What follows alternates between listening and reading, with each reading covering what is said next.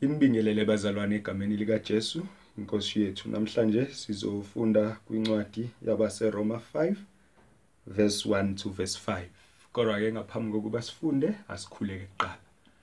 Baba wethu ongcwele yise wenkosi yethu Jesu dalo wezulu nomhlaba Siyakubonga baba wethu onamandla onke ukuthi namhlanje na ukhulumile kithini namhlanje na uzokhuluma nathi uzoqondisa isimo sokwenza nesokucabanga kwethu. Sikunika udumo Nkosi yami nangalesi sikhathi banathi ebese Nkosi yami yasilondoloza. Sinqobele Nkosi yami okuyizinkinga esihlangabezana nako ebese Nkosi yami uyasithwala njalo. uNkulunkulu wethu ongcwele qhubeka usiphinda uduzo ngomoya wakho ongcwele uyokuba Nkosi yami unathi. Ngoba kwesinye isikhathi ngosengcwele siyaye sizizwe singathi sisodwana. Uma kakhulu sihlaseleka uma kakhulu sibhekana nezimo ezibhlungu Baba wethu ongcwele siyathandaza egameni lika Jesu ukuba Nkosi yami ke sizwele ukuthula egameni lika Jesu okuvela kuwe. Sizwele Nkosi yami ukuba nawe egameni lika Jesu thatha udumo. Nangalesi sikhathi baba wethu ongcwele usakhe empilweni zethu ukuba zikudumise wena. Silungisise baba. Siyacela egameni lika Jesu sakhe ebese uyasiqondisa ngoba wena ufanelwe udumo nenkazimulo namandla nobukhosi. Phakama nangalesi sikhathi nakule abazalwane osiyami andawo ngeindawo labehlukene khona iba nabo bathwale. Egameni lika Jesu uvuthise ukholo lwabo labe khona uNkulunkulu wethu ongcwele.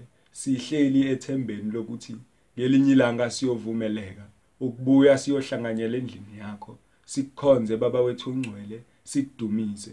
Phakama uNkulunkulu wethu ongcwele einhlizweni zethu ezimpilweni zethu sikukhonze sikudumise. Kuthi noma singekho ndawonye kodwa sazi ukuthi ufanele ukubongwa ufanele udumo. Uthatha udumo wena ngalesikhathi nezibongo ngoJesu Kristu inkosi yethu. Amen. Bazalwane sifunda ku Romans 5 verse 1 to verse 5 la kufundeka khona kanje.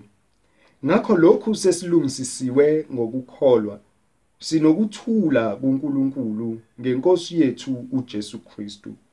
Okungaye sinokungena ngokukholwa kulomusa esimkuwo siyazibonga ekwethembeni inkazimulo kaNkulunkulu. Kepha kusiko lokho kuphela kodwa sizibonga nangezinhlupheko ngokwazi ukuthi ukuhlupheka kuveza ukukhuthazela ukukhuthazela kuveza ukuqiniseka ukuqiniseka kuveza ithemba ithemba alijabhisi ngokuba uthando lukaNkulunkulu lutheliwe ezinhlizweni zethu ngomoya ongcwele esimphiweyo baba izwi lakho leli linamandla. Khuluma ngalo kithina ngoJesu Kristu inkosi. Amen. Bazalwane la esifunda khona sifunda incwadi yabaseRoma. Eh uma ebhala uPauli isikhathi esiningi ebhala incwadi noma ama epistles ewabhalela abantu abahlukene noma amabandla ahlukene. Uwabhala and a purpose ethile eh noma kunomyalo noma umgomo afuna ukudlulisa ngaleso sikhathi noma kunomphendulo afuna eh ukuthi ayiphendule. Kodwa uma sibuka la ebhalela ibandla labaseRoma ubhala lencwadi eh ukuze abantu baseRoma bathole nje isifundiso sakhe. Ayikho kakhulukazi into esingathi ubhekise kuyona uyayiphendula. Kodwa ubhala incwadi eh yabaseRoma mina engiyaye ngithi nabanye eh icatechism. Ngoba eh liphethe kakhulu imfundiso eh mayelana nokukholwa nanemsebenzi and futhi nokuthi ke umuntu okholwayo ufanele ukuphila kanjani. So uma ke ebhala la incwadi yabaseRoma uPaul uyibhala eh umeqala ezokhuluma ngokuthi unecala kumaGriki nakubezizwe eh nakumaJuda nakuyihlakaniphi nakuyiwula zokushumayela izwi likaNkuluNkulu. Ngobani bazalwane izwi likaNkuluNkulu lifanele ukushumayelwa noma ukushunyayelwa kwizona zonke inhlanga kubona bonke abantu eh uPaul ke uzibona ke enecala ke yena lokwenza lokho. Kodwa uma eqhubeka ku chapter 1 usivezela ngentukuthelo kaNkuluNkulu nangezono zabantu bonke. Eh nangezono zeumajuda moqhubeka ko chapter 2 aveza ukuthi singaphansi kolaka likaNkuluNkulu kanjani siyabantu and aveze ukuthi ke silungisiswa kanjani eh noNkulunkulu. Uyaveza ukuthi silungisiswa ngokukholwa. Yona into engiyithandayo ke le uma sesifika ku chapter 5 uthi ke ngakho lokhu sesilungisisiwe ngokukholwa sinokuthula kuNkulunkulu ngenkosi yethu Jesu Kristu. Kusho ukuthini lokubazalwane umethi ngakho lokhu sesilungisisiwe ngokukholwa sinokuthula kuNkulunkulu. Kokusho ukuthi ngakho njengoba sesi siphiwe lesipho somusa sesisindisiwe ngoJesu Kristu usethi ke sinokuthula noNkulunkulu Why uPaul esho kanjalo? Ingoba besiyizitha noNkulunkulu. Uthe mebhala la kwabaseRoma uthi ke yonke inyama wonke umuntu ungaphansi kolaka likaNkulunkulu ngoba bazalwane sinjani sigcwele isono. Uma ke eh abantu ke bengaphansi kokwahlulela kukaNkulunkulu eh labantu badinga usizo labantu badinga indlela yokusindiswa. Usethi ke labo ke abalungisisiwe ngokukholwa laba bakholiwe ngoJesu Kristu ibona ke laba abalungisisiwe ngokukholwa. Usethi ke banokuthula noNkulunkulu. Uma ke ukholwa kusho ukuthi unokuthula nobani? noNkulunkulu. Ngamanye amazwi kade sifanele ukulahlwa kade sifanele ukushawa kade sifanele ukungena olakeni likaNkulunkulu kade simele ukufa kade simele ukulahlwa esihogweni kodwa siyambonga uNkulunkulu ukuthi asizuzanga intukuthelo yakhe ngoba silungisisiwe ngokukholwa ngoba na? ngoJesu Kristu inkosi yethu. Uthi ke ngalokho sesilungisisiwe ngokukholwa sinokuthula kuNkulunkulu ngenkosi yethu uJesu Kristu. Shuthi besixabene bazalwane noNkulunkulu. Besingazani noNkulunkulu? Asimlalelanga uNkulunkulu? Ubekile imiyalo yokuthi siphile kanjani? Ubekile imigomo yokuthi siphile kanjani? Kodwa thina sakhetha ukungamlaleli thina sakhetha ukwenza ngentando yethu thina sakhetha ukwenza ngokuthanda kwethu. And lokho kwamcanula uNkulunkulu ebese ke kwaba khona ingcabano phakathi komuntu noNkulunkulu. Kwadinga ukuthi umuntu abuyisane noNkulunkulu. Umuntu ubuyisana kanjani noNkulunkulu? Lithi iBhayibheli munye umlamleli phakathi komuntu noNkulunkulu. Umuntu uKristu uJesu. So ngoKristu Jesu thina sikwazi ukubuyisana noNkulunkulu. So noba ke sesibuyisene ke noNkulunkulu sesilungisisiwe ke ngokukholwa sesithola ukuthula abazalwane. Ngoba besingenako ukuthula noNkulunkulu besiyizitha noNkulunkulu. Uma izizwe ezimbili eh kade zisempini kuyaye kube khona into eh abayisayinayo peace treaty into enjalo nje. Eh uma besayina lapho basho ukuthi impi iphelile and bayavumelana bane common ground abame kuyo angeke basalwa angeke basaxaba angeke kusaba khona lokho akade kukhona impi. So nathi kube njalo noNkulunkulu kade sixabene noNkulunkulu kade sifanele ukushawa uNkulunkulu kade sifanele ukulahlwa uNkulunkulu. ngoKristu Jesu samkelisiwa ukuthula samkeliswa phila okuphakade samngeliswa ukuthi kade sifanele ukufa sanikeza ukuphila ukuthi kade sifanele ukukhala sinikeza unjabulo ukuthi kade sifanele ukulahla saqoqwa senziwa saba ngabantwana bakaNkuluNkulu. Sangagcina ngokuba abantwana bakaNkuluNkulu kodwa saba zindlalifa zezulu kanye noKristu uJesu. Sinokuthula noNkulunkulu. Asi asinakho ukulahlwa asinakho ukuxoshwa ngobani? Silungisisiwe ngokukholwa futhi sinokuthula kuNkulunkulu ngenkosi yethu Jesu Kristu. Okungaye sinokungena ngokukholwa kulomusa esimkuwo. Bazalwane simile emseni kaNkulunkulu sizuza izipho zikaNkulunkulu. Hayi ngengomsebenzi yethu emihle akubona ukuthi senza kahle akubona ukuthi singabantu abahle akubona ukuthi siyaqualifya ukuthi sibe kulomusa kaNkulunkulu kodwa kungenxa yomusa kaNkulunkulu opheleleyo. Uthi ke okungaye sinokungena ngokukholwa kulomusa esimi kuwo. Ngamanye amazwi sime kulomusa kaNkuluNkulu ngoJesu Kristu owafa endaweni yethu wabuye wakunqoba ithuna wavuka kwabafileyo ohlezi ngakwesokunene sikaNkuluNkulu njengamanje.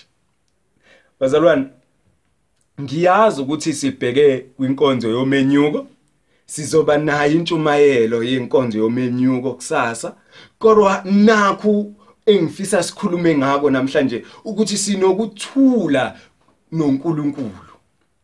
Ukuthula kuNkulunkulu sikunikezwe ubani? uKristu Jesu. Okungaye siyakholwa. Okusho ukuthi akusiki ukukholwa kuyona into equbuka kithina kodwa into efakwe kithi uNkulunkulu ngokuthi uKristu Jesu wasifela. Ngamanye amazwi ke sesiyakholwa andisimi kulomusa. Sikwazi ukungena kulomusa ngokuthi siyakholwa kuKristu Jesu. Sikwazi ukuma sithi sisindisiwe ngoba siyakholwa kuKristu Jesu. Mthike siyazibonga ekwethembeni inkazimulo kaNkuluNkulu. Futhi sinesiqiniseko esizayo khona isiqiniseko esisinikiwe sokuthi kunenkazimulo esinikiweyo thina maKristu yokuba inyama yethu ayisezukwembatha noma asisezukwembatha imoya wethu awusezukwembatha inyama ebolayo. Umoya wethu masidlula kulesikhathi asiseyi ukuba ngabantu bokufa noma abantu abazoba phansi kolaka likaNkuluNkulu. Kodwa sesithathwa njengezidalwa zezulu sesithathwa njengabantu abalungisiwe abalungisese abalungiselwe ukuba babe enkazimulweni ezayo yamaKristu esinikwa ubani? uNkulunkulu. Uthi siyazibonga kwethembeni inkazimulo kaNkuluNkulu. Inkazimulo ezayo leyakhuluma ngayo bazalwane esizoyibona. Lapho khona kuyobe kungasekho ukukhala lapho kuyobe khona lingasekho usizi lapho injabulo iyobe isikhona khona. Sekungasekho ukuhlupheka sekungasekho ukuswela sesiyobe hleli nenkosi yethu sesiyidumisa siyibona ngamehlo. Athi kepha akusiko lokho kuphela. Kodwa sizibonga nangezinhlupheko ngokwazi ukuthi ukuhlupheka kuveza ukukhuthazela. Bazalwane asizibongi ngenjabulo nje kuphela uNkulunkulu azosinika yona. Asibongi ngezinto ezinhle kuphela esizamkela kuNkulunkulu.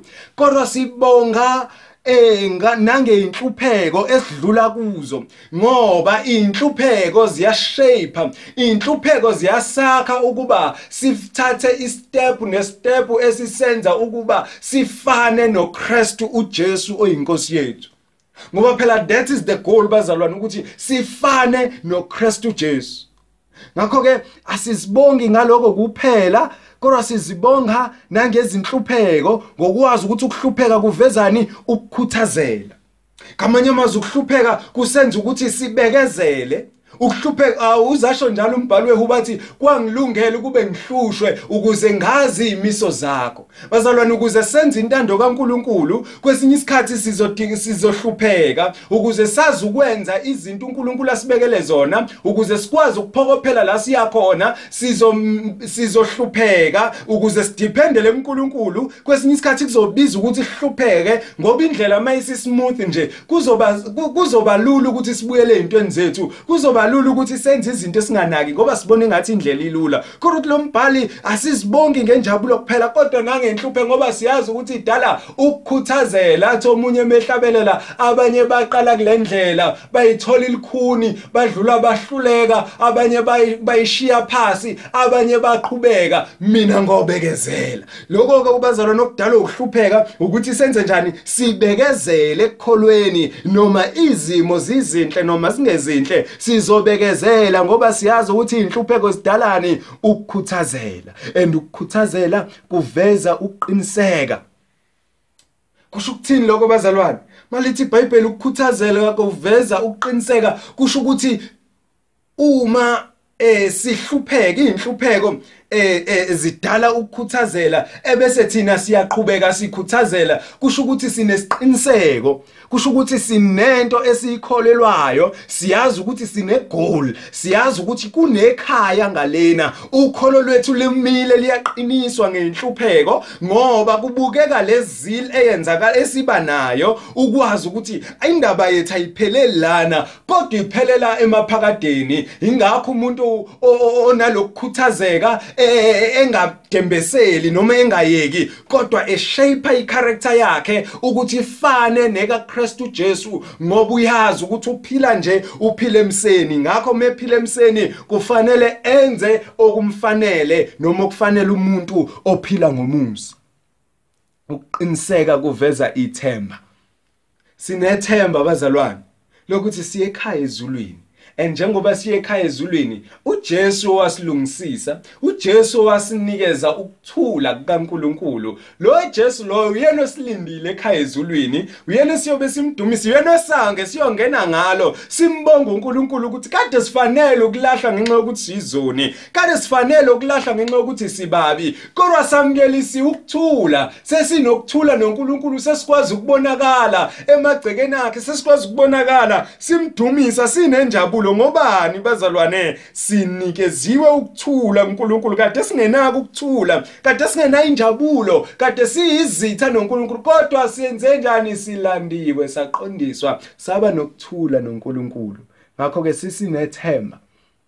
Nazi izinto bazalwane ezisishapeayo ezisizayo ukuthi sibe njenga noKristu Jesu. Siyakhuthazela ekukhuthazeleni kuvela ukuqiniseka eqinisekeni kuvele ithemba. Ngobani bazalwane? Ithemba lijabhisi ngokuba uthando lukaNkuluNkulu lutheliwe ezinhlizweni zethu ngomoya ongcwele esimphile esimphiweyo kuvela uthando uNkulunkulu asinikeze lona.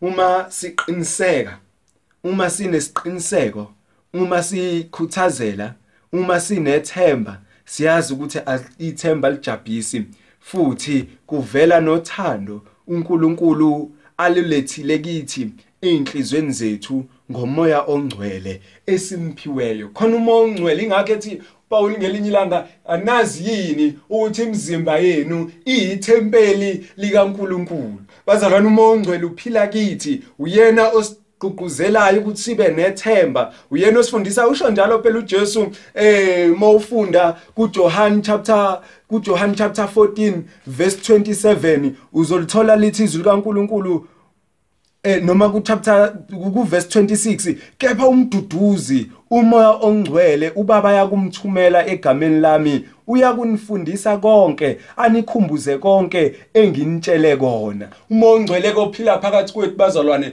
usifundisa izinto uJesu asitshele zona usifundisa ukukhuthazela usifundisa ukuqiniseka usifundisa ukuthi sibe nethemba ngoba emva kwethemba khona inkazimulo emva kwethemba khona iglorification emva kwalomhlaba bazalwane kunenkazimulo abayibekeleyo abakholwayo.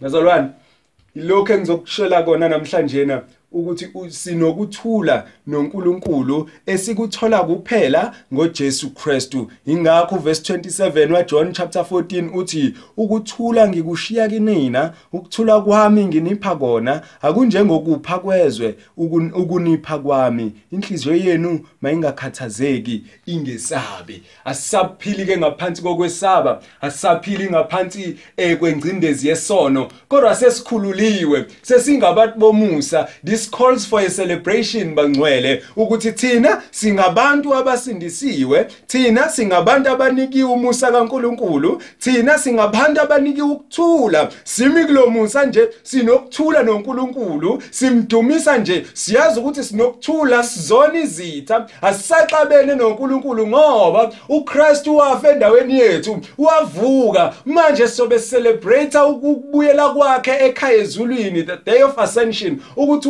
wabuyela ekhaya ezulwini la evela khona okusho ukuthi ithuna alimnqobanga umzimba wakhe ubolanga ngoba eyinkosi yamakhosi bazalwane ngaku ukuthula esinakho noNkulunkulu. Khona ukuthula esikunikwa uNkulunkulu bese kuba khona ukuthula esinakho noNkulunkulu. Lokhu kubazalwa nokuthula engikhuluma nako yilokhu esinakho noNkulunkulu. Kokuthi besiyizitha kokuthi besim delela uNkulunkulu singayenzi intando yakhe. Kodwa ngoKristu Jesu bazalwane senzewe saba ngabantu abasha sanikezwa um-, ukuthula noNkulunkulu. Sangaba abantu abafanele ukulahlwa sangaba abantu abafanele ukuxoshwa embusweni wezulu. Kodwa saba izindlalifa zezulu kanye noKristu. Ngakho lo musa usakhona. Lokhu ukuthula kusatholakala usangakuthola nawe. uJesu uvula izandla uthi yimi indlela eya kubaba akekho omunye. Pho wena uthini na? Uyakuyeka nalokuthula? Uthi uPaul ke ulaka likaNkuluNkulu lombuliwe kwabanjalo. Abathi belazi iqiniso likaNkuluNkulu bese babhekele. Khona abantu abazothi hayi mina ngizokwenza kanje kanje kanje. Uthi uPaul ukuze kungabi ngokwethu ukuzibonga. Bazalwane ngoba nomthetho kaNkuluNkulu uyahlula. Sinikezwe isipho somusa esimahala ukuthi ngoKristu Jesu siyasindiswa olakeni likaNkuluNkulu siyazuzwa nguNkuluNkulu sibe zidalwe ezisha. Nakho ukuthula okuvela kuNkulunkulu Baba okuvela kumnini mandla onke sinokuthula noNkulunkulu uma sikholwa ngoKristu Jesu. Ngalokho lokhu sesilungisisiwe ngokukholwa sinokuthula koNkulunkulu ngenkosi yethu Jesu Kristu. Abanokuthula noNkulunkulu yilabo abazalwe kabusha. Abanokuthula noNkulunkulu yilabo aba kholwa uKristu Jesu. Ukuthi uNkulunkulu wamvusa ekufeni manje uhlezi ngakwesokunene sikaNkulunkulu futhi uyabuya and uma ebuya uzolanda ibandla lakhe wena uzobukuphi naku ukuthula kumahala kungomusa. Akudingi imisebenzi yakho akudingi lutho kwakho wena ukukholwa nje. Ukuze ulungisiswe ngoKristu Jesu. Asikhuleke.